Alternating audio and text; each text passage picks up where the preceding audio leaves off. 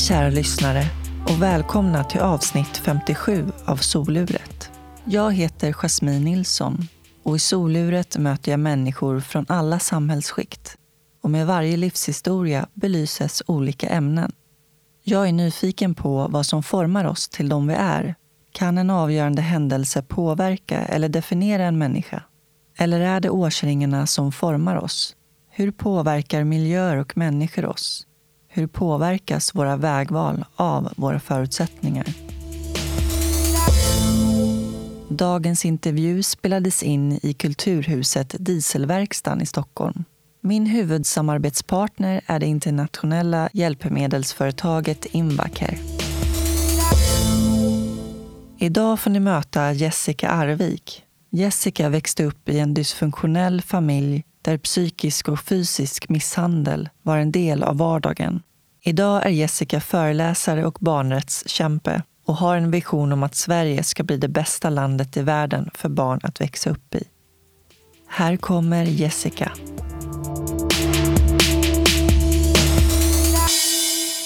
Men eh, jag tycker vi kör igång. Mm, vi gör det. Välkommen till soluret Jessica. Tack så mycket. Hur mår du en vacker dag som denna? Ja, men jag mår jättebra faktiskt. Ja. Alltså, jag gick upp halv fyra i morse. 03.30. Åh herregud. Ja, Varför då? för att jag älskar morgnar. Alltså, jag älskar morgonen. När det är så tyst och det är mörkt och jag tänder ljus. Och, Man får tid för sig själv. ja, så att, eh, jag har gjort allt jag ska. Jag har ätit frukost, jag har tagit morgonpromenad, skrivit tacksamhetsdagbok eh, och sånt där. Gud, det borde man göra. Speciellt dessa tider. Ja, man får göra det man kan. Mm. Det blir ju så. Man får inte åka iväg. Och alla konserter som man skulle på är avbokade. Mm. Och utomlandssemestrar. Ja, ah, ilandsproblem. Jag hör ju hur det låter. Ehm, Men då får man göra det man kan. Precis, så är det. Du är föreläsare och Mm. har en verksamhet som heter Barn har rätt. Yes. Ja, men jag håller i utbildningar om barns rättigheter. Och största fokus är på förskolepedagoger. Jag har tidigare jobbat i en barnrättsorganisation som heter Maskrosbarn, som jag tror många känner till. Och där vände vi oss till tonåringar. Och då jobbade jag just med utbildningar och föreläsningar. Men jag ville gärna jobba med yngre barn och vända mig till personal som träffar yngre barn.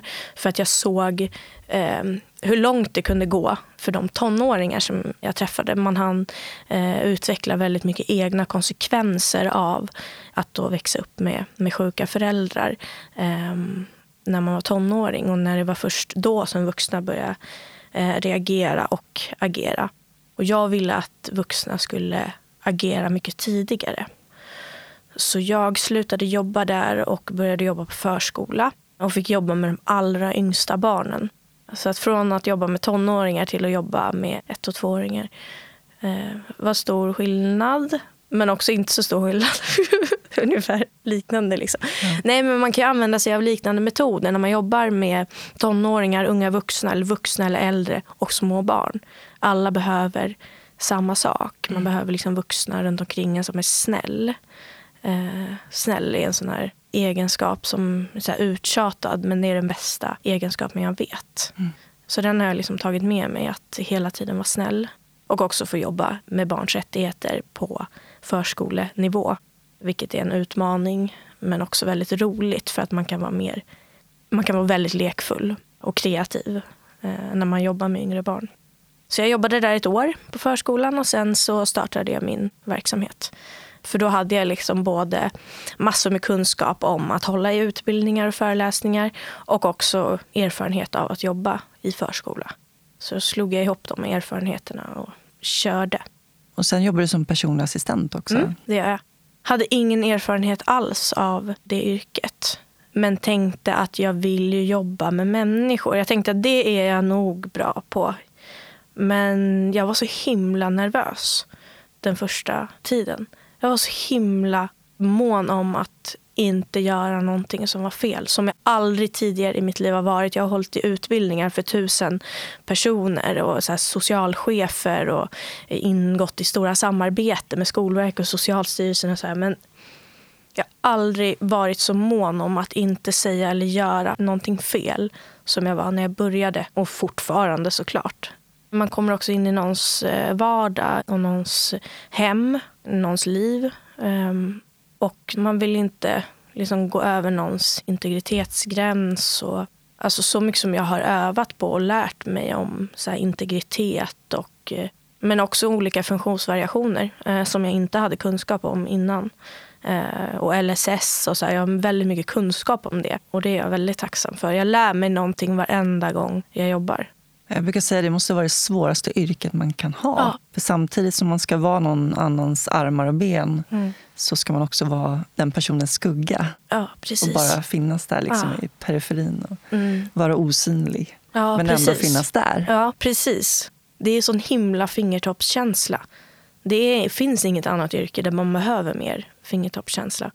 Men nu låter det som att det är ett omöjligt jobb och det är det ju inte. För det kan ju kännas så här, men gud, det, det, jag skulle aldrig klara det. Och så kände jag nog kanske lite innan. Men man kan ju faktiskt också som assistent göra fel. Och eh, då får man be om ursäkt. Eh, Där är ju kommunikationen enormt ja, viktig. verkligen. Ta upp problem när de kommer. Och Mm. Där är det så viktigt att jag som då är kärnan i relationen är den som kommunicerar vad jag, vad jag vill få Mm. ut av min personliga assistent. Precis. Ja, det är ett samspel. Ja, ja spännande. Alltså Ja. det, det kan man prata hur länge som helst om. Verkligen. Det skulle vi kunna ha ett avsnitt Ja, om. Eh, faktiskt. För det är ja, ett himla spännande yrke. Och för mig är det ju det viktigaste som finns. Mm, precis. eh, för att jag ska kunna leva mitt liv. Mm. Jag är så tacksam för alla er assistenter där ute. Ni är fantastiska Ja. och gör ett grymt jobb, vill jag Mm. verkligen förmedla. Men eh, nu tycker jag att vi eh, backar tillbaka lite här och eh, tar det från början. Du föddes den 23 augusti 91 Ja. och du kommer ifrån skärgården. Ja, nu låter det ännu mer som att det är så himla... Ja, det låter ju väldigt det låter ju- idylliskt. Ja, usch. Ja. Det låter så himla överklass och det är jag inte. Jag är inte Nej. överklass alls. Berätta lite om eh, din familj som du föddes in i. Mm. Ja, jag ehm, är ju uppväxt med mamma, pappa och två syskon. En storebror och en lillebror. Vi är uppväxt i ett eh, stort hus eh, med jättestor skog och eh, stor tomt. Och när jag lekte mycket och sprang runt och har alltid varit så här lekfull och kreativ. Och jag har alltid varit ja, men galen och full av liv. Och det är en, ett minne som jag har av mig själv som liten. Är att jag är väldigt full av liv eh, och tycker saker är väldigt roliga. Och det andra minnet jag har är att jag har alltid ont i magen när jag är liten. Jämt, jämt, jämt. Och ehm, jag minns att jag skämdes också väldigt, väldigt mycket över det som hände hemma. Ehm, om hur mina föräldrar var och hur det var hemma. Och jag var säker på som barn att det som händer i min familj, det händer bara i min familj. Och det är en jättestor skam när man tror att man är helt ensam om det man är med om. Mm. Min pappa, han var en väldigt så här, oberäknelig människa. Vi kunde sitta hela familjen vid middagsbordet hemma och vi pratade och vi skrattade. Ehm, och så helt plötsligt så tycker pappa att vi har ingenting att skratta åt längre. Och har vi tur så är det tallrikar eller mat som han slänger i golvet och i väggarna. Men har vi otur så rycker han upp någon av oss från stolen och han börjar slå oss.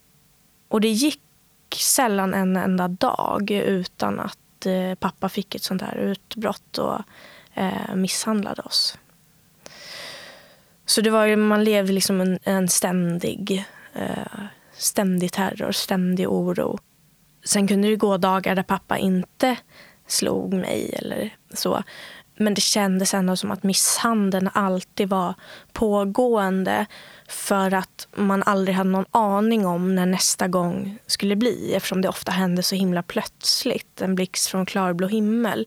Så gick man ju alltid runt och tassade på tå och eh, eh därför så kändes det alltid så. Men jag, kan, jag mm, vet det nu när jag har blivit äldre och gått en del i, i terapi så inser jag att pappa slog oss inte varje dag. Eh, men känslan var att misshandeln pågick hela tiden. Eh, så. Ja, det förstår jag. Alltså, det är som att leva under ständig skräck. Mm, Just att när det kan gå så här från noll till hundra. Mm, Är det så tidigt som du kan minnas som han misshandlade mm. er? Ja.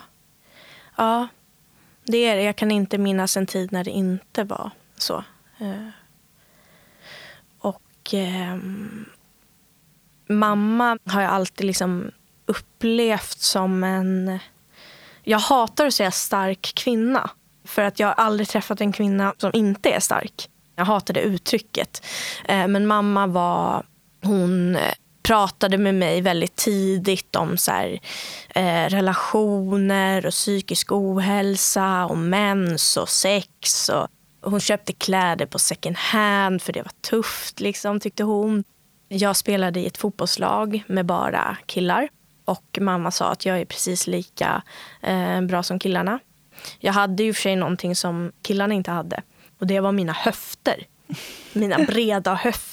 Så de skulle jag eh, utnyttja. Så jag Tacklas tackla, med. Ja, precis. Och det blev ju en grej. Jag tacklades ju med mina höfter. Jag ställde mig bara ja. ut med höften och så ramlade de omkull. Så det blev många så gula och röda kort. Och mamma stod på linjen och hoppade och applåderade. Det tyckte jag var fantastiskt som använde mig av mina mm. höfter. Men mamma var också, har alltid mått väldigt dåligt eh, psykiskt. Eh, hon har ätit alltid så länge som jag kan minnas antidepressiva mediciner och sömntabletter för att kunna sova. Och, eh, men hon har i alla fall alltid mått väldigt dåligt. Eh, så det är inte bara så psykisk ohälsa utan mått fruktansvärt dåligt. Liksom. Så uh, mamma var sjukskriven mycket från och till under hela min uppväxt. Misshandlade din pappa din mamma också? Mm. Ja, han slog mamma. Men mamma slog tillbaka vid en del tillfällen. Och när ni blev misshandlade, reagerade hon på det? Mm, det gjorde hon. Eh, hon la sig i eh, och försökte stoppa det. Så. Det var väl ganska isolerat då ni bodde i ett hus och det var mycket skog runt omkring mm. och sådär? Både ja och nej. För att eh, vi bodde i ett väldigt litet samhälle ett samhälle som är väldigt liten, litet och där alla känner alla så känner många till vad det är som händer. Eh, och som barn så har man ju känselsprötar så man hör ju och ser att vuxna vet. Man hör att vuxna pratar. Och eh, vi hade också en förskola som låg precis på andra sidan vägen från vårt hus. En landsväg emellan bara. Och det var ett eh, föräldrakooperativ och eh, pappa hade varit med och byggt eh, den här förskolan och vi hade nyckel till förskolan. Det är väldigt tajt, eh, tajta relationer där. Men förskolan gjorde faktiskt en orosanmälan till socialtjänsten. Och I den anmälan så stod det bland annat att de hade hört att pappa hade slagit oss från andra sidan vägen. Då. Och Det stod också i anmälan att man hade sett mamma full eh, ute på samhället, på byn. Och jag har ingen upplevelse av att min mamma drack speciellt mycket eller hade problem med alkohol när jag var liten. Eh, men nu när jag tänker efter då, när den anmälan gjordes, att det stod så här, så kan det ju faktiskt varit så att mamma har haft problem med alkohol även när jag inte har förstått det. Liksom. Eh. Men då gjordes en orosanmälan. Och det var ju väldigt, eh, kan jag tycka i efterhand, att det är ganska stort av en förskola. Jag vet hur svårt det är för förskolepersonal och skolpersonal att göra orosanmälan. Och det var väldigt stort av förskolan att göra det när man hade en så nära relation till mina föräldrar. Men det som hände var att eh, samma dag som anmälan kom in så på natten så gick pappa över till förskolan, hämtade alla våra saker. Eh, och eh, vi kom aldrig tillbaka till förskolan.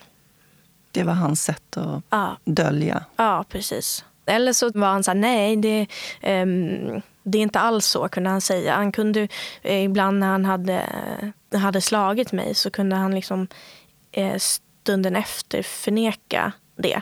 Fast det syntes. Eller liksom så, här, så kunde han, jag har inte gjort något. Så här, Jessica, du hittar på. Och eh, det kanske var samma sak med en anmälan, jag vet inte. Men att det var så här, de hittar på det här är inte på eller För det vet jag att eh, pappa sa.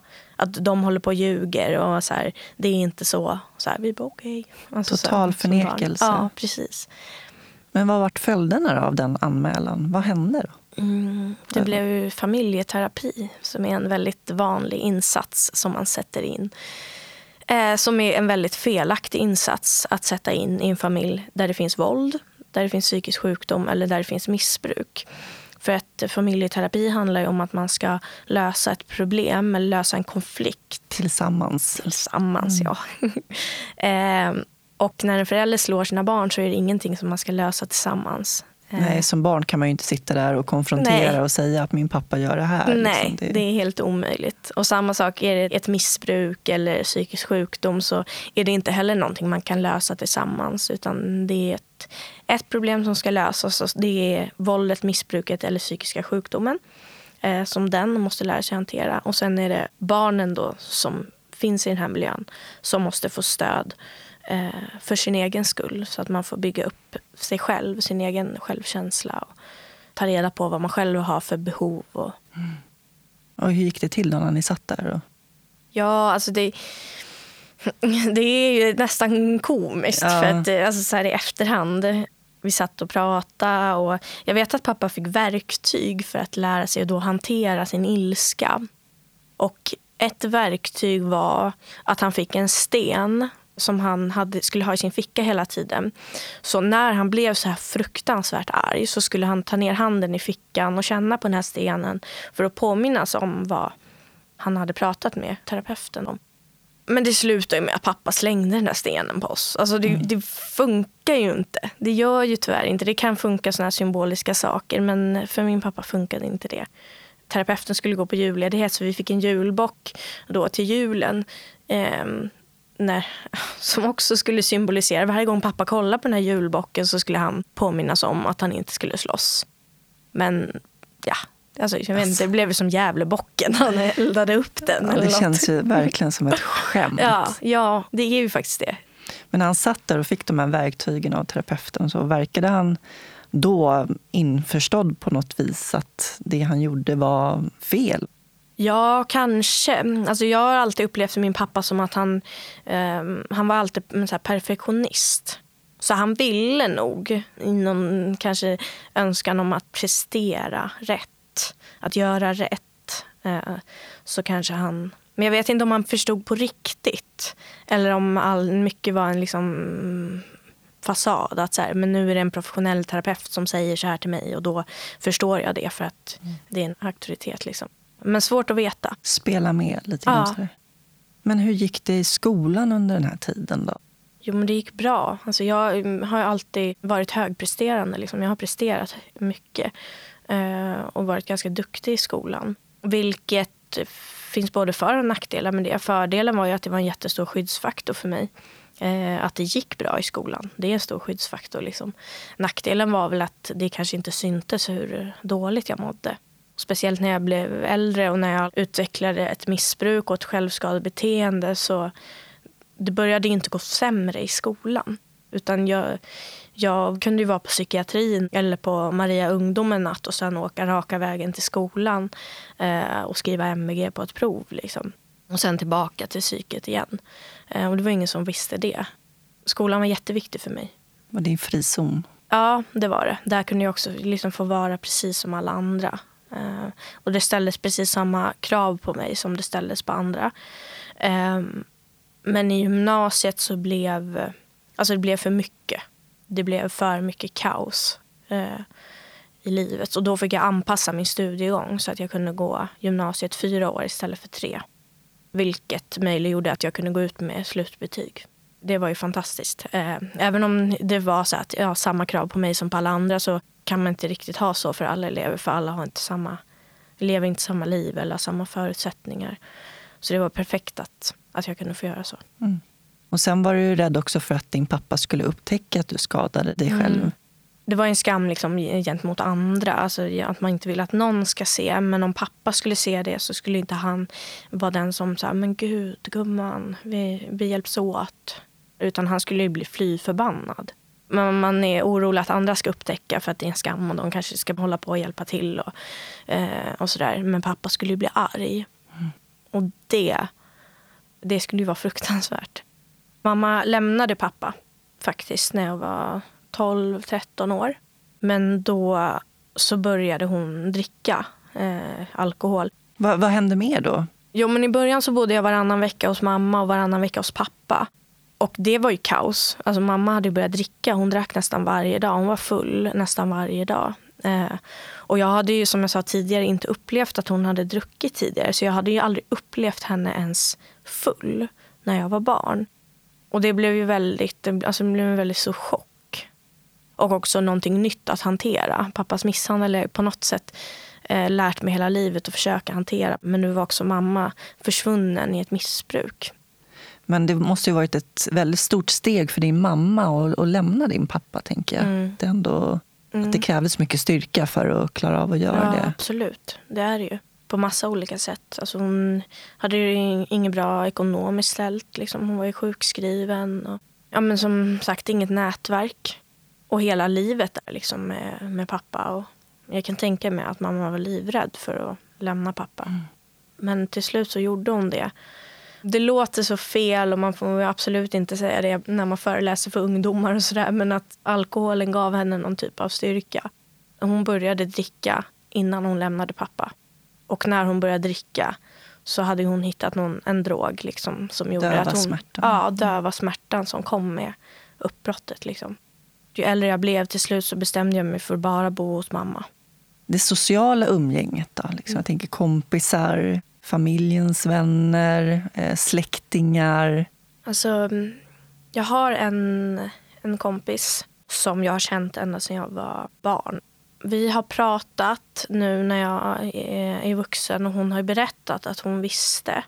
Det var bland annat en påsk eh, när jag och hon hade varit ute och gått påskkärringar i området där jag bodde. Och kom hem liksom var superglada för vi hade ju så här korgar fulla med godis och pengar och var så här larvigt glada. Liksom. Men i hallen hemma så möter vi pappa. Eh, och pappa har ett skärsår över halsen. Och då förstår jag att så här, mamma och pappa har bråkat. Eh, och mamma har försvarat sig själv när pappa har slagit henne. Här, min första tanke då kanske borde ha varit så här, hur är det med mamma då? Hur är det med mina syskon? Men min första tanke då är att jag måste få bort min kompis därifrån för att jag skäms så mycket. Jag vill inte att hon ska se eller förstå att vi bråkar så här mycket i vår familj. Det visar liksom vilken hemlighet det är och hur mycket man försöker upprätthålla det här. Liksom att det var liksom den största skammen i livet att någon skulle förstå eh, att det var så här. Eh, men hon har ju berättat nu i efterhand att eh, hon visste ju. Hon visste ju hur det var. Men hon var väl lika lojal som jag. Hon var ju också ett barn. Så hon hade väl ungefär liknande känslor som jag hade för det här. Att det här är ingenting man pratar om. Mm. Och det visar ju på så här, hur, hur lojal man är som barn till föräldrar som gör såna här saker. Men också andra barn runt omkring. För hon kunde ju ha berättat för sina föräldrar. Men hon visste också någonstans att det här pratar man inte om. Och vad stark den känslan är. Det har varit en del släktingar som har vetat men inte har gjort någonting och sådär. Men vi har aldrig haft någon nära relation till släktingar. Och jag har inte det idag heller. Ehm, man kanske har träffats när det var så dop eller bröllop eller begravningar och sådär. Men annars inte umgåtts mm. utöver det. Och inte heller vänner till familjen. Att det, inte har, det har inte funnits några vänner riktigt till familjen. Och det är ytterligare en sån här fara eller ytterligare en utsatthet i familjer där det finns missbruk eller eh, misshandel eller sexuella övergrepp. Att man, det oftast är kombinerat med att familjen har ett begränsat socialt nätverk. Och det blir ytterligare en utsatthet. Mm. Ja, precis. Jag minns att jag i högstadiet satt en dag i, i biblioteket. Eh, jag gick i åttonde klass och jag kommer ihåg att jag hade sån här panik i hela kroppen. Att jag, jag orkade inte vara hemma, jag orkade inte vara på lektion. En sån här panik att jag inte visste vart jag skulle ta vägen med mig själv och min kropp. Liksom. Då kommer det en lärare till mig, Annette. Eh, hon är textilslöjdslärare, eller hon var det då i alla fall. Och Anette frågar mig liksom så här rakt ut. Hur är det? Hur mår du? Vad är det som har hänt? Eh, inga kringelikrokvägar. Och Anette var liksom den första vuxna som frågade mig hur jag mådde. Eh, och jag var 14 år då. Och hon var ju också då den första vuxna som jag berättade för. Eh, jag fick berätta liksom hela min livshistoria där och då för Anette i biblioteket. Och eh, Annette eh, ställer in resten av sina lektioner den dagen för att kunna vara med mig. Eh, hon tar med mig till skolsköterskan så att jag får prata med henne. Uh, och sen gör Anette det som man är tvungen att göra som lärare när man hör en sån här grej från en elev. Hon gör en orosanmälan till socialtjänsten. Det tog ändå 14 år för att någon skulle se. Mm. För jag tänker, du måste ju haft många blåmärken mm. och så när du var yngre också. Mm. Ja, precis. Verkligen. Och jag hade ju otroligt många vuxna människor kring mig när jag var, alltså ända från när jag började förskolan. För att jag höll på med väldigt mycket olika aktiviteter. Alltså jag gjorde allt man kunde göra på den orten som jag bodde på. Så jag hade väldigt mycket fritidsaktiviteter och därmed också otroligt mycket vuxna människor kring mig. Mm. Var det så att du försökte hålla dig borta från hemmet också? Att du... Ja, verkligen. Um, jo, precis. Det är nog absolut en anledning till att jag gjorde så mycket som jag gjorde. Att hålla mig borta och sysselsatt. Och... Mm. Men Annette blev en typ av vändpunkt för mig. För Annette blev inte bara den läraren som såg. För Annette blev... Hon eh, följer med mig liksom på alla möten på socialtjänsten och ser till så att allt går rätt till och är mitt stöd för att det inte fanns någon annan vuxen i mitt liv som kunde vara det stödet. Och Annette ger mig nyckeln hem till sitt hus. Så att jag får liksom komma hem till det. Ja, ja. ja det är, och det är ju så himla fint. Mm. Eh, hon ger mig en nyckel hem till henne. Bara sådär. Så att jag får komma hem till henne precis när jag vill och när jag behöver det. Så hon är ju min extra mamma idag. Och hennes dotter som är, hon är ju som min lilla syster liksom. Eh, när Annette gifte sig så fick jag sitta på familjesidan i kyrkan. Och jag får komma på alla såna födelsedagskalas. Jag känner hela hennes släkt och hela hennes mans släkt. Och sådär. Så mm. det är ju en ny familj. Och det är så himla fint. Mm. Det krävs en sån eldsjäl mm. för att se och ja. göra någonting konkret. Mm, det gör det. Um, men Annette har faktiskt en gång sagt en sak som jag tycker är så himla bra. Och hon sa att jag är inte snäll, Jessica. Och jag kan inte förstå vad hon menar för hon är den snällaste människan jag vet. Jag är inte snäll, jag gör bara det som alla vuxna som möter dig måste göra. Mm. Ska göra. Och det tycker jag är en sån här grej. Det är klart att hon fattade tycke för mig och jag fattar tycke för henne och att vi har liksom en ömsesidig relation idag. Och så där, att det finns ja, men personkemi och, och sådär. Att det inte bara vem som helst såklart. Men det är inte snällt att göra saker som man måste göra.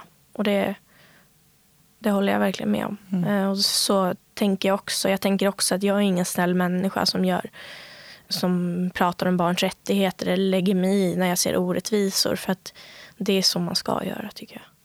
Ja, det är sant. Ja. Och apropå ditt engagemang började också väldigt tidigt i samhällsfrågor. Att trots det här kaoset mm där hemma? Att du kände liksom att det här, någonstans så fanns det en orättvisa i det? Du höll tal för kommunens politiker. Ja. Berätta. jo, eh, mamma jobbade i köket på eh, ett äldreboende. Så um, skulle man lägga ner det här köket och börja med, såna, med någon central leverantör som skulle leverera maten. Jag var väl upprörd, så här, mamma ska inte förlora jobbet. Men sen var det också så att äldre Alltså de måste ju få lagad mat. Eh, och det var så himla viktigt tyckte jag. För mammas mat var ju så himla god också. Så jag tänkte att det här är ju skittaskigt. Eh, så då skrev jag ett tal, eller kanske en dikt. Eh, och det var ett jättestort så här kommunmöte. Jag vet inte fasen hur jag hade fått komma dit ens. Eh, jo, men jag tror jag hade skickat in den här texten jag hade skrivit till kommunen och sen hade de bjudit in mig att få läsa upp den. Det är ju väldigt modigt att som ja. åttaåring stå ja. och prata inför publik på det sättet. Ja. Jo, men det var så när jag var liten att jag, jag älskade att stå på scenen. Jag vet att, eller jag spelade jättemycket teater och jag sjöng och, och sådär. Och jag hade skrivit i någon sån här boken om mig som man skriver när man går i skolan. Så hade jag skrivit att när jag blir vuxen så vill jag antingen spela teater eller jobba med barn som är utsatta på olika sätt. Till exempel BRIS. Det var ju det man kände till när man var barn. Och idag får jag göra båda sakerna. Det tänkte jag inte då, att jag kunde kombinera att få stå på scenen och att få jobba med barns rättigheter. Jag tänker också att det är kanske är ett sätt att eh, fly in i någonting annat. Att fly in i andra roller och, mm. och liksom gestalta andra karaktärer och sådär kan jag tänka mm. mig att det är på något sätt. Jo, men att liksom få spela teater eller få skriva, sjunga, att uttrycka sig på olika sätt. Alltså det har mm. varit livsnödvändigt för mig. Och det vet man ju att det är för många som lever i, i, i utsatthet. Att på något sätt få uttrycka sig. Att bara liksom prata med någon kan ju vara en sak. Men idag har man ju fattat att det finns så mycket andra olika sätt att uttrycka sig på. Och jag tror att huvudsaken är att man på något sätt får uttrycka sina känslor.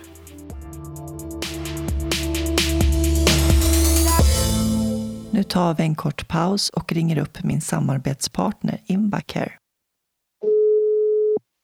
Invacare, Mikael Forsman. Tja Micke, det är Jasmin här från Soluret. Tjena Jasmin. Hur är läget?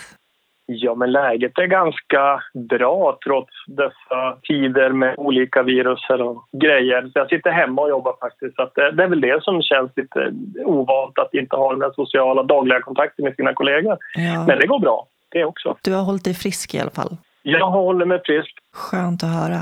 Hur har eh, Invacare i sig påverkats av eh, coronan och vad har ni för strategi? Primärt så alla som har möjlighet att jobba hemifrån sitter ju hemma. Sen har vi ju personal kvar på kontoret som godsmottagningen exempelvis och utleveranser. Eh, kundservice sitter ju kvar och, och jobbar som vanligt på kontoret. Då. Och säljarna, de som får komma ut till kunder, åker ut till kunder och, och träffar dem. Men att allting sker ju på kundernas villkor så att säga. När det någon som ringer och säger att det är okej okay, och vilka restriktioner som gäller så gör vi ju det också. Men sen så har vi väl lagt om lite grann också att man, man går in och, och hjälper till där det behövs så att säga också. Så att vi har ju inte haft några permitteringar och vi har levererat i väldigt hög utsträckning fortfarande och just nu i den här tiden så är det ju en enorm efterfrågan både på sängar och madrasser men även syrgaskoncentratorer och, och, så vidare. Så att vi har ju fortfarande en, en väldigt hög efterfrågan av våra produkter. Och det är ju bra att det finns eh, digitala lösningar. Ja, och det är väl där kanske som den stora skillnaden är just nu. Vi hann ju precis i coronautbrottet så var det ju Mässa i Lund där vi skulle lansera vår nya elstolsfamilj Aviva. Och vi hann ju, de höll öppet i en dag innan det stängdes igen då, på grund av, av viruset. Och eh, vi sköter ju mycket av demonstrationer, produktvisningar försöker vi sköta via webben och så vidare så att man ändå har en, en styrpart på verksamheten så att när det här har blåst förbi att vi ändå har nått till våra kunders medvetande och att de känner till de produkterna som kommer också. Så att det har vi ju gjort stora förändringar kring hur vi löser det med, med webbmöten och det har fått ersätta i väldigt hög utsträckning de fysiska mötena och vi har även haft mycket utbildningar, lanseringsmöten, upphandlingsmöten via webb och via Skype och Teams. Och berätta vad som är aktuellt just nu. Ja, det är ju framförallt så är det ju den här nya elrullstolsfamiljen då, Aviva, som på sikt har tänkt att ersätta produkter i vårt bakhjulsdrivna segment. Och det är ju produkter som traditionellt sett är eh, det Invacare har varit, på elsidan ska jag säga, varit starka inom bakhjulsdrivna äldrestolar. Och det känns ju i det här fallet som att vi verkligen har tagit ytterligare, inte bara ett kliv utan två kliv framåt faktiskt med vad de här produkterna kan erbjuda funktionsmässigt sett. Så att det känns enormt inspirerande att få komma ut och visa grejerna fysiskt också. Men sen så har vi också en annan liten rolig grej som jag hoppas kommer att få fotfäste här under våren. För det är nämligen en liten skoter mot konsumentmarknaden som du kan fälla ihop ganska enkelt med ett enkelt knapptryck från fjärrkontroll så fälls den ihop och så väger den lite drygt 20 kilo så att du enkelt får med den i bilen och kan ta med den på resan. Och det är också någonting som vi känner att det kan verkligen få fotfäste på konsumentmarknaden som också är en, en växande marknad där vi är verksamma. Spännande. Tack så mycket Micke för samtalet. Tack själv Jasmin. Och håll dig frisk och kry så hörs vi snart igen. Detsamma. Ha det bra. Hej då. Hej.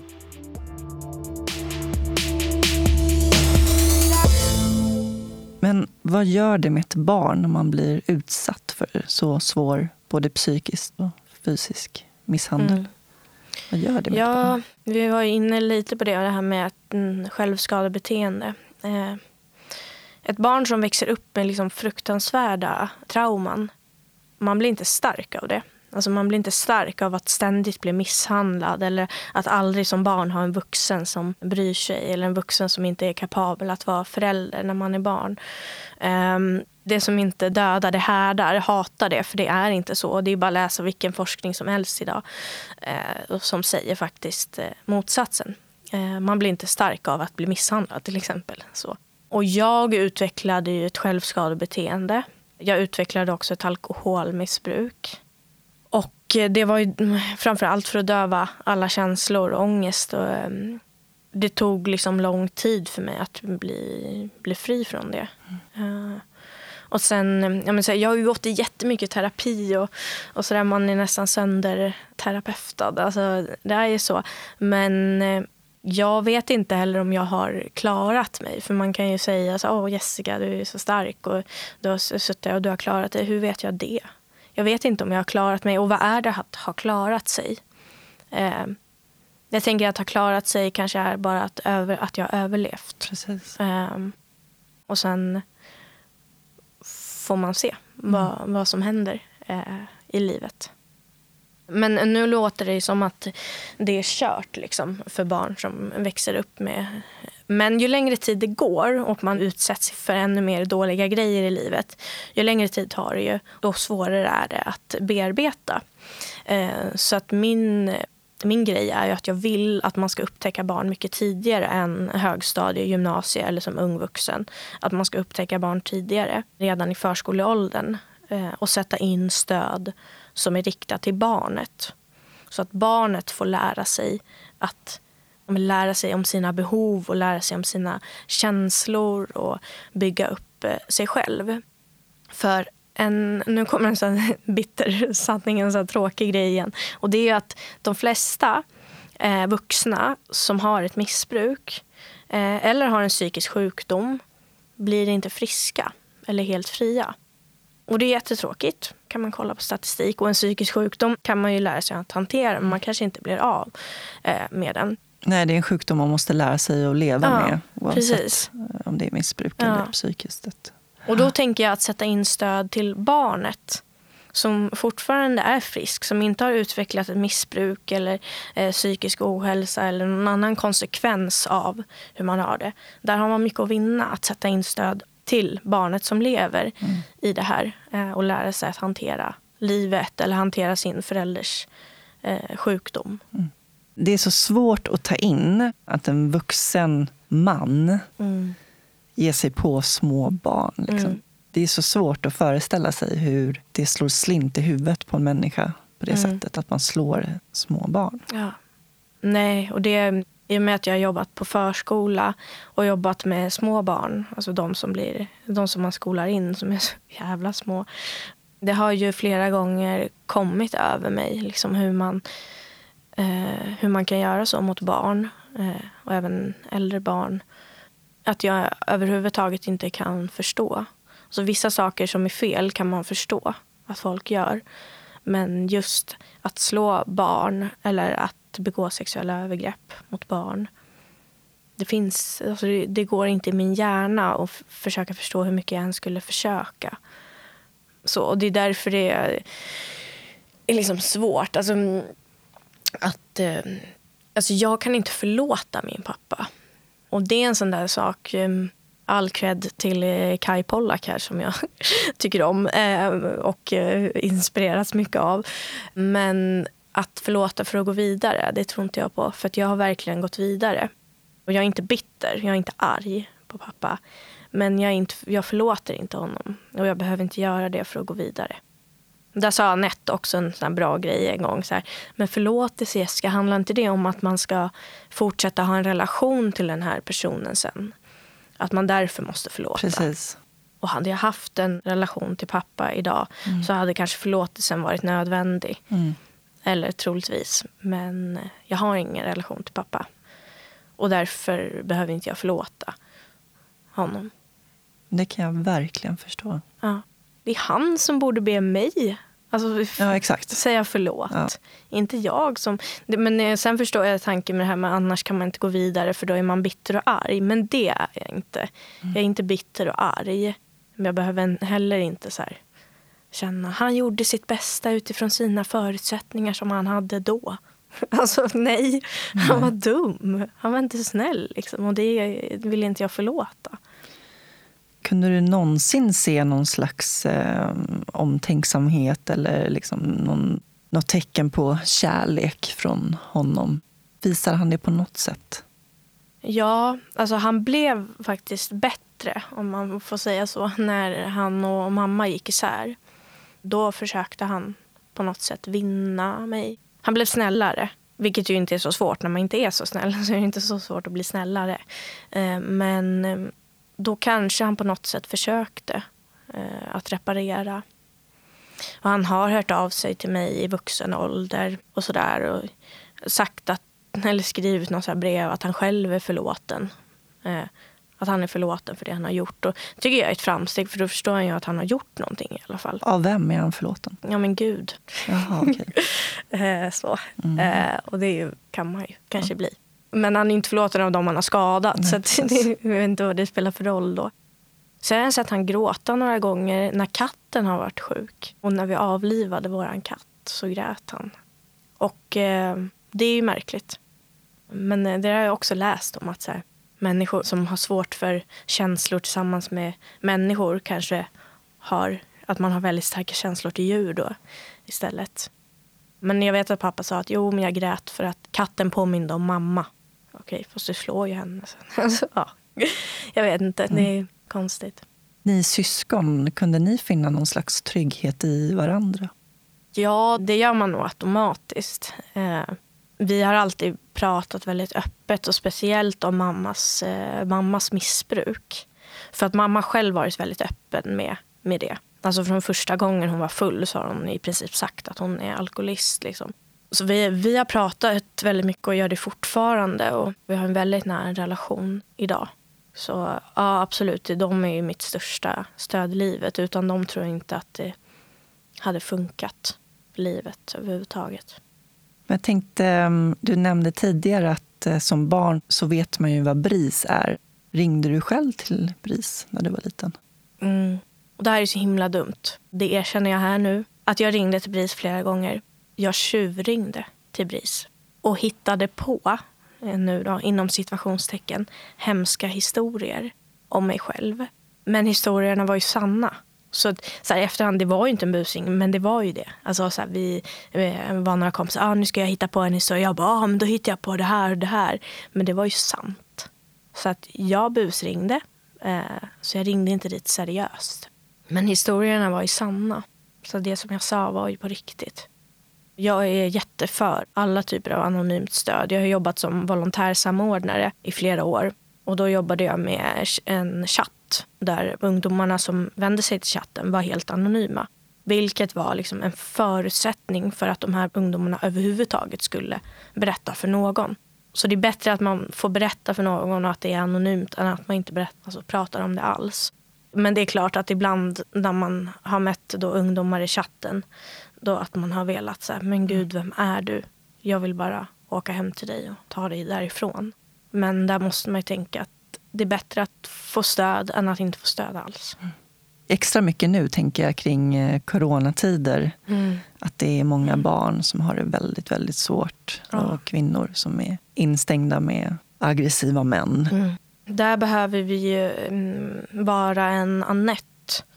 Eh, alltså vi, vi behöver mycket civilkurage. Vi måste lägga oss i. Jag lägger mig i hela tiden. Och det här säger inte jag för att jag är snäll. För att det är inte snällt att lägga sig i. Utan man gör det. Man ska göra det. Alltså jag knackar på hos grannar. Gjorde det senast igår. Det lät konstigt liksom. Bara knacka på och höra hur det är. Det gör jag ofta. Jag är en sån här riktig jobbig jävel. Eh, det måste man vara jag ser barn på stan. Häromveckan såg jag en tonåring tillsammans med en, eh, en gubbe som gick med kassar med alkohol i. Jag gick fram, tog ett snack, liksom både med hon, gubben och, och, barnet. Man ringer, man ringer polisen om det, man är orolig. Man pratar med folk, liksom. man ser sig om. Man, och det, många säger att medmänskligheten att eh, den ökar i såna här tider men jag kan känna att eh, i just den här krisen så är man väldigt mån om sig själv. Eh, och sina närmsta. Mm. Vilket är ju förståeligt. Man vill inte bli sjuk. Det är en hemsk liksom, sjukdom. Mm. och man kan ju bli jättesjuk. Och har man personer i sin riskgrupp så tänker man ju kanske extra mycket också på sig själv och de i sin omgivning. Men man måste tänka längre. För det kommer också vara ett liv efter det här. Och eh, då kommer vi få plocka upp jävligt mycket. Mm. Eh, jävligt mycket barn som lever just nu med föräldrar som dricker alldeles för mycket och föräldrar som är våldsamma eller utsätter barnen för sexuella övergrepp. Och det syns och hörs inte nu. Men eh, det kommer liksom komma efter det här. Och därför måste vi lägga oss i nu. Absolut. Det är som du säger, civilkurage mm. behövs det mer av. Ja, verkligen. Och det är precis att våga.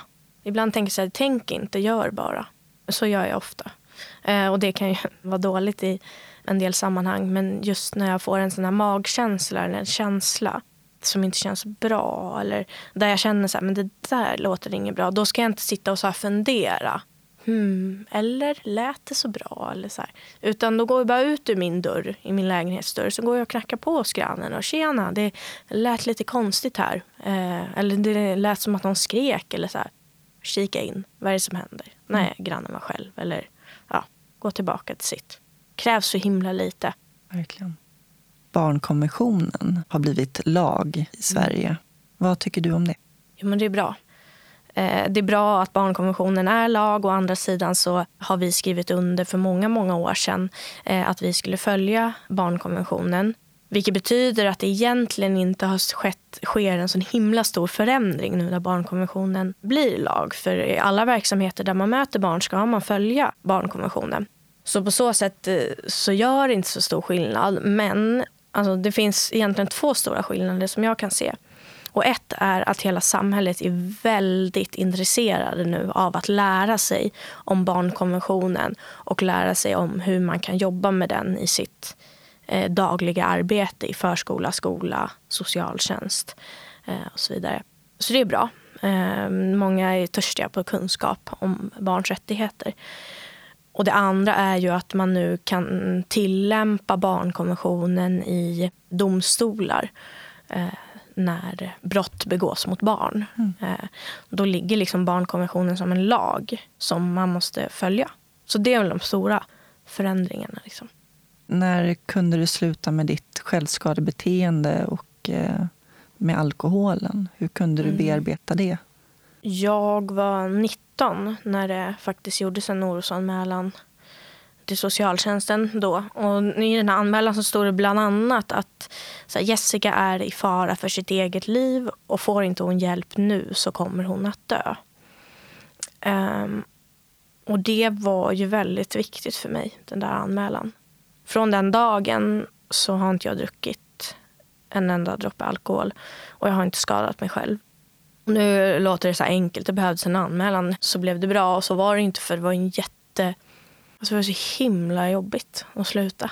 Ehm, men jag fick gå i en behandling eh, på beroenderådgivningen där min mamma hade gått många gånger. Så jag träffade hennes gamla behandlare.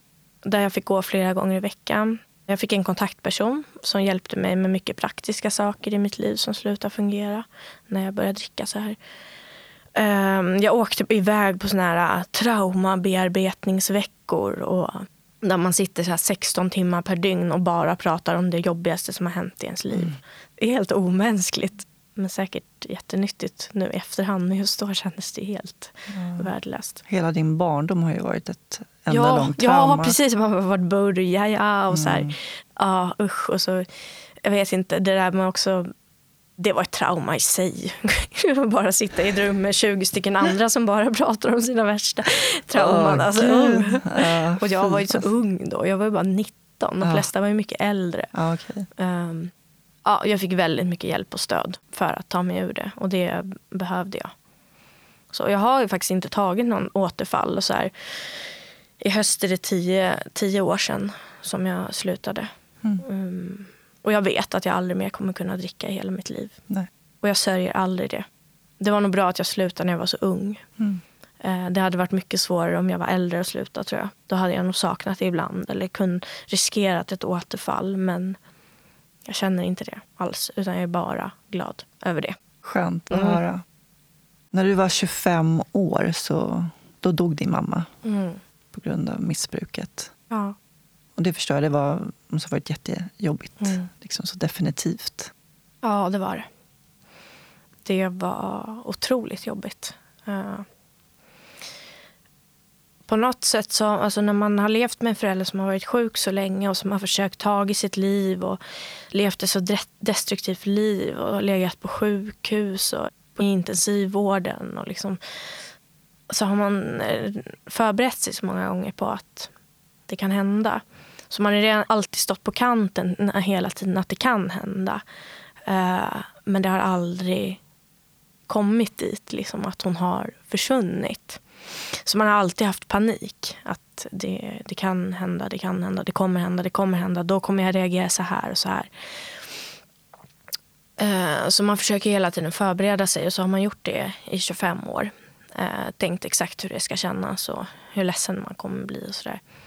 Och så får man beskedet att det har hänt. Och så är det inte alls så som man har förberett sig, utan det är mycket värre. Liksom. För det går inte att förbereda sig. Eh, känslan var liksom helt fruktansvärd. Det kändes som allt försvann. Så. Mm. Eh. Förstod du någonsin varför din mamma mådde så dåligt? Mm. Fanns det en orsak till det? Ja, mamma har ju själv vuxit upp med eh, sin pappa som eh, var både aggressiv och misshandlade henne fysiskt men också utsatte henne för sexuella övergrepp. Och eh, en mamma, då, mormor, som var skör. Jag vet inte, jag kan inte säga så mycket för jag vet inte riktigt hur, hur hon har varit. Liksom, men hon har varit skör och inte, ja, men inte agerat. Då. Men framförallt pappan som har varit eh, dum. Eh, så det är absolut en orsak. Och det är, där är ytterligare en sån här grej att eh, eh, så här, min mamma hon blev inte stark av att hennes pappa utnyttjade henne sexuellt. Hon blev liksom inte hårdhudad eller så av att bli slagen. Eller... Sen blev hon ju inte stark eller starkare av att träffa män som också misshandlade henne. Det gör inte att man blir starkare. Du gav ju ett löfte på din mammas begravning. Mm. Berätta om det. Ja. Jag lovade att jag skulle göra allt som jag kunde för att barn som växte upp som hon hade gjort och som eh, jag gjorde, eh, att jag skulle göra allt jag kunde för att barn inte skulle växa upp på, på det sättet. Att jag inte skulle vara den vuxna som stod bredvid och såg på och inte gjorde någonting. Och det tror jag är det största och bästa liksom jag kunde göra för mamma. Eh, där, för det, liksom, det förstörde henne. Det, hade, det förstörde mig också, min uppväxt. Den gjorde inte mig stark. Liksom. Eh, utan den gjorde att jag fick gå i jättemycket terapi och att jag utvecklade en massa konsekvenser. Och jag vill inte att barn ska växa upp på det sättet. Och jag har det löftet med mig liksom varje dag. Eh, när jag ser barn och så här. Alltså det, jag tror inte att det går det kanske går någon dag, men det går få dagar när jag inte lägger mig i andras liv. Alltså på något sätt. Och det kan verka som att jag är jättejobbig, men jag kan liksom inte leva med mig själv om jag ser någonting som inte verkar bra och jag inte har gjort någonting. Eh, och det är för mamma liksom. Mm. Mm. Berätta om din vision. Det största det är väl att barn överhuvudtaget inte ska att missbruk inte ska finnas överhuvudtaget. Psykisk sjukdom, psykisk ohälsa, det ska inte finnas utan att det ska komma en generation. Alltså så här, om vi låter barn växa upp nu och må bra och få massa bra förutsättningar med sig i livet så behöver inte de hamna i missbruk eller psykisk sjukdom. och så här. Eh, eller så kan man, man kan ju få ha en psykisk sjukdom men kunna hantera det och, så att det inte får så mycket konsekvenser för eh, människor i sin omgivning. Men alltså så här, att bryta det här långa arvet som i min, min släkt har gått i, i generationer. Alltså jättemånga generationer. Och jag ser väl kanske att jag har brutit det. Mm. Det vet jag ju, som jag sa i början, det vet ju inte jag än. Om jag har brutit det. Eh, men jag hoppas det. Mm. Dina syskon? De mår bra idag, allihopa. Jag sa det, det att jag växte upp med två bröder. Men jag fick faktiskt en, en lilla syster i gymnasiet som idag är 12 år. Och eh, alla de mår bra. Vi har en väldigt nära relation till varandra. När mamma gick bort så hade inte vi, vi hade inte en enda konflikt eller en enda oenighet överhuvudtaget om någonting. Vilket man har förstått att många andra, när föräldrar går bort, man tjafsar om arv. Så här, nu fanns det ingenting att ärva, men eh, begravning hit och dit och släktingar och vem ska komma på begravning. Så här, vi hade ingenting, ingen så här, konflikt överhuvudtaget. Och så himla skönt att få ha den relationen till sina syskon när hela livet har varit en stor konflikt. Och nu bara få landa i att nej, Mm. vi behöver inte bråka om någonting för det finns ingenting att bråka om. Vad innebär det för dig att vara människa? Det där är en så himla stor fråga. Jag måste säga så här. Att jag har inte lyssnat på din podd. Nu blir du ledsen. Nej, nej, Men nej. jag ville inte göra det förrän efter. För att jag förstod att det är en fråga som du ställer till alla gäster. Precis, standardfrågorna. Ja, och jag ville inte påverkas av vad Nej. någon annan har sagt. Det var klokt tror jag. Ja, så efter det här kommer jag ju sitta och tokplöja. För mig, att vara människa har i så många år handlat om att bara stå ut. Eh, att bara stå ut för att det kanske någon gång blir bättre. Ehm, så det har varit mitt liv. Eh, och det har varit mitt liv som människa, liksom, att bara stå ut. Överleva. Ja, att bara överleva. Och eh, det är inte så längre. Och nu handlar livet egentligen bara om att ha det bra. Jag kan bli jättestressad av människor som hela tiden säger att jag vill utvecklas skitmycket, jag vill resa eh, och göra så här skitcoola grejer. Alltså, jag hatar ju att dejta. Alltså, jag vill ju bara träffa någon soffpotatis. Ehm, nej, det är klart att jag också tycker om att utvecklas och träffa människor och Personlig resa. Och så utveckling. Ja, men så här, som att det skulle vara det viktigaste i livet. Nej, det viktigaste för mig är att ha det bra bara. Att må bra. Och att varje dag i alla fall få göra någonting som känns meningsfullt. Vilket jag får göra eftersom jag jobbar som personlig assistent. Jag jobbar ibland på förskola eller håller i föreläsningar. Jag är lika nöjd den dagen som jag har hållit en föreläsning för 500 personer som den dagen som jag sitter hemma i soffan och dricker te och inte gör någonting. Mm. Och det tror jag, alltså det för mig är att vara människa, att hela tiden bara vara nöjd. Att en, en nöjdhet och behöver inte handla om en prestation eller när man har gjort någonting, att nu har jag uppnått någonting. Alltså så här, usch, hatar det. Om man hela tiden ska uppnå saker. Jag det är det värsta jag vet. Jag blir så himla stressad. Och det är klart, det kan vara inspirerande. Men någon kanske kan bli inspirerad av, av det också. Att vara lika nöjd och glad som när man har utfört värsta prestationen. Som när man sitter hemma och inte presterar någonting. Det kanske också kan vara lite inspirerande. Det tror jag verkligen. Jag tror fler människor skulle behöva tänka så. Mm. Omvärdera vardagen. Mm. Tror du på ett liv efter detta? Alltså för tre och ett halvt år sedan så skulle jag svara nej, bara. Eh, sen dog mamma. Och jag stod på Sankt Eriksbron på Kungsholmen när jag fick beskedet att mamma hade dött. Mm. Eh, och då så bröt jag ihop. Jag satt på den där jävla bron och jag skrek och jag grät. Eh, och eh, jag hade svårt att gå till bron igen efter det. Men bara några veckor efter eh, mammas bortgång så jag tränar där så att jag var tvungen, jag var tvungen att gå dit igen. Då går jag där på bron och så ser jag, det har regnat jättemycket. Så ser jag asfalten och på bron precis där jag stod när jag fick beskedet. Så har det liksom formats ett hjärta i, eh, i asfalten. Och det var första gången som jag fattade att så här, mamma är ju här. Alltså, hon, hon är ju med. Och andra gången det hände, det var när det här terrorattentatet på Drottninggatan. Så eh, larmet kom in 14.50 till polisen. Jag hade bokat ett träningspass klockan 15.00 i city på Mäster Samuelsgatan. Så jag går hela Drottninggatan ner och sen svänger jag vänster mot Mäster Samuelsgatan vid Åhléns. Mm. Jag hade bokat in mig på det här passet och jag, har jag bestämt mig för att träna, då går jag och tränar. Jag är aldrig så här, oj jag kanske har lite ont i halsen eller, utan jag går och tränar när jag bestämt det. Jag har bokat det här passet. Men ungefär vid så här 20 över två så tänkte jag så här, fan vad gott det skulle vara med chips. Alltså, och det har aldrig hänt i mitt liv tidigare. Ja. Eller jo, att jag varit sugen på chips, absolut. Men inte att jag skulle avstå träningspass för att äta chips. Ehm, men så tänkte jag, äh, jag skiter i att träna. Jag går och köper chips. Och det gjorde jag. Ah. Jag går hem, lägger mig i sängen, slår på tvn och ser att det har varit ett eh, terrorattentat. Jag hade gått där på Drottninggatan. Om Ah. jag hade tränat det här passet så hade jag gått där med hörlurar ja, precis när det här attentatet hade skett. Och då var jag helt säker på att det är mamma Otroligt. som någonstans är där och säger åt mig. Ja. Jag kan, inte, jag kan inte föreställa mig att mamma skulle ha försvunnit helt. Nej.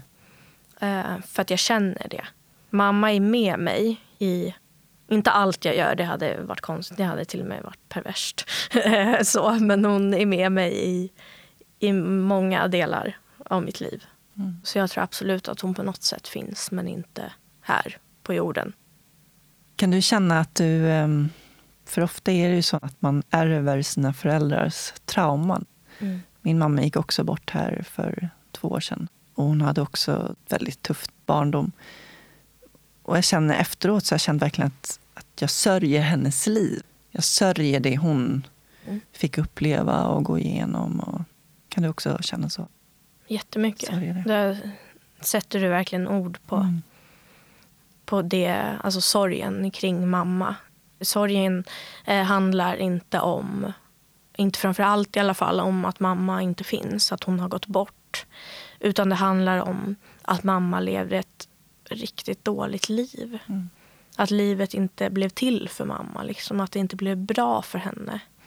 Och hur man kan leva ett helt liv utan att på riktigt få må bra eller finna den här ron. Eh, så det är en, jätte, det är en jättestor sorg. Mm. Eh, och det blev också väldigt tydligt på begravningen för att det fanns inte så mycket att säga om mamma, om mammas liv. Liksom. Utan man pratade om de åren som vi föddes. Och det var liksom det största i, i mammas liv. Mm. Så länge inte det här stora mörkret var, var större så var det vi som var störst. Liksom. Mm. När känner du dig fri? Varje dag. Jag skriver ju såna jag har börjat med det nu på sistone eh, för att mina kompisar har uppmanat mig att skriva sån här tacksamhetsdagbok. Och du vet, alltså jag har ju hatat såna här klyschiga grejer förut. Alltså jag gör ju verkligen det. Så här, morgonstund har guld i mun. Alltså du vet såna där grejer. Och rosa tacksam med guldpenna och, och sånt där. Eh, men sen är det ändå så himla många som har pratat om det. Och till slut så kan inte jag bärga mig. Så jag börjar med den här tacksamhetsdagboken och det känns så himla bra. Alltså jag känner ju tacksamhet varje dag men också att skriva ner och gå tillbaka och kika. Då känner jag mig så himla fri. För att jag är det. Jag känner mig fri hela tiden för att jag är det. Jag har ingenting i mitt liv som gör att jag är fast. Jag har inget jobb där jag känner så här, oh shit, fan, jag måste gå till jobbet. Aldrig, jag har aldrig ångest över att gå till jobbet. Jag är bara helt fri. Jag får göra precis vad jag vill. Underbart. Ja, och så länge jag är frisk, känner jag och de jag runt omkring mig är friska, så tror jag att jag kommer känna mig fri. När känner du dig sårbar? Jo, men det är när människor runt omkring mig, alltså som betyder väldigt mycket för mig, alltså går igenom svårigheter. Det känns på något sätt som att jag kan, jag kan hantera svårigheter. Det kan ju de runt omkring mig också. Men det känns som det är svårare för mig att hantera när människor jag älskar går igenom svårigheter. För då blir du maktlös. Precis. Det, kan, ja, det går inte att kontrollera. Det går inte, man vet inte vad man ska göra. Man blir inte tillräcklig, känner man. Och, ja. Vad drömmer du om? Mm. Där kommer ju det här att eh, det är inte så här, jag har inga drömmar. Eh, men jag har det väldigt bra nu. Och det är jag tacksam för. Jag har ju alltid tänkt också så här, när, sen när det blir bättre, sen när jag, sen när jag, hela tiden. Eh, så att jag har ju drömt väldigt mycket om det livet som jag lever idag. Och så jag lever ju på ett sätt i en dröm. Eh, så. Sen kan man ju ha så här mål. Eh, och det är klart, det ska man ha. Det, det skulle kanske vara så här att ha ett hus. Och, så här, men eh, absolut, jag vill ha barn någon gång. Eh, det skulle vara fantastiskt. Göra om, göra rätt. Inte helt rätt, men att få göra, göra det på något sätt lite bättre. Vilket jag, det känns ju som att jag, det, det skulle kunna bli lite bättre än vad jag hade det. Precis. Varje dag så känner jag en känsla av eufori. Det borde ändå vara någon typ av dröm. Så att, ja, drömmen är väl att fortsätta må bra också. Sen är det några lättare frågor, antingen Mm. eller frågor. Uh. Stad eller landsbygd? Eh, landsbygd. Bok eller film? Bok. Kött eller grönsaker? Grönsaker. Planering eller spontanitet? Planering. Så mycket planering. Se eller höra? Höra. Lyssna eller prata? Lyssna. Tack så jättemycket Jessica för att du delade med dig av din livshistoria. Tack för att jag fick komma hit. Alltså sån himla stor ära när jag fick frågan av dig. Och sån himla stor ära att få träffa dig. Så nu, och nu när vi slutar den här kändisar. podden, då ska jag prata med dig. Ja. För nu är det bara jag som har pratat. Jag ville veta lite om dig. Tack. Tack.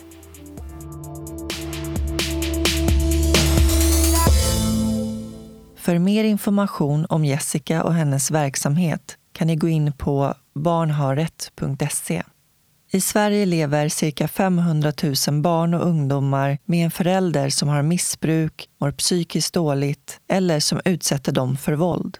Under rådande omständigheter och ökad isolering och fler barn som är hemma med sina sjuka föräldrar är det extra viktigt att vuxna ser barn i sin närhet. Gå in och läs tips om vad du som medmänniska kan göra på maskrosbarn.org. Prenumerera gärna på soluret i din podcastapp så missar du inte kommande avsnitt. Tack till min huvudsamarbetspartner Invacare. Mer information om Invacare och deras produkter hittar ni på invacare.se.